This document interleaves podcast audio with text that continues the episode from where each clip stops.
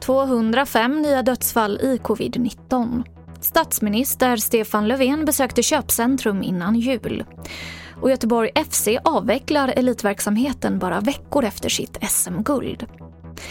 TV4-nyheterna börjar med att statsministern Stefan Löfven besökte Gallerian i Stockholm den 20 december, dagar efter att han uppmanat att ingen trängsel får förekomma.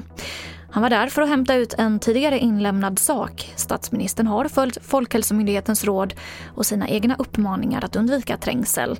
Det här skriver Mikael Lindström, Löfvens pressekreterare i ett sms till TV4 Nyheterna. Ytterligare 205 dödsfall med bekräftad covid-19 har rapporterats i Sverige sedan den 23 december. Det här meddelar Folkhälsomyndigheten. Och totalt har 8 484 smittade avlidit i landet. Göteborg FC lägger ner sin elitverksamhet med omedelbar verkan och drar sig ur damallsvenskan. Detta bara några veckor efter att de vann SM-guld. Enligt klubbens ordförande Peter Bronsman så finns det inget kort svar varför. Men han säger till Göteborgs-Posten att det är bäst på lång sikt.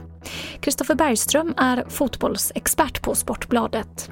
Jag blev skärrad och skakad för det här är, det är otroligt förvånande. Det är en enorm förlust för svensk fotboll. Inget tjafs om att det är en förlust för damasvenskan eller damfotbollen. För svensk fotboll är det här en jätteförlust. Och till sist kan jag berätta att dragspelaren Roland Cedermark har avlidit. Efter att han var kapellmästare i dansbandet Cedermarks så debuterade han som soloartist på dragspel år 1976. Roland Cedermark blev 82 år gammal. Och det var det senaste från TV4 Nyheterna. Jag heter Emily Olsson.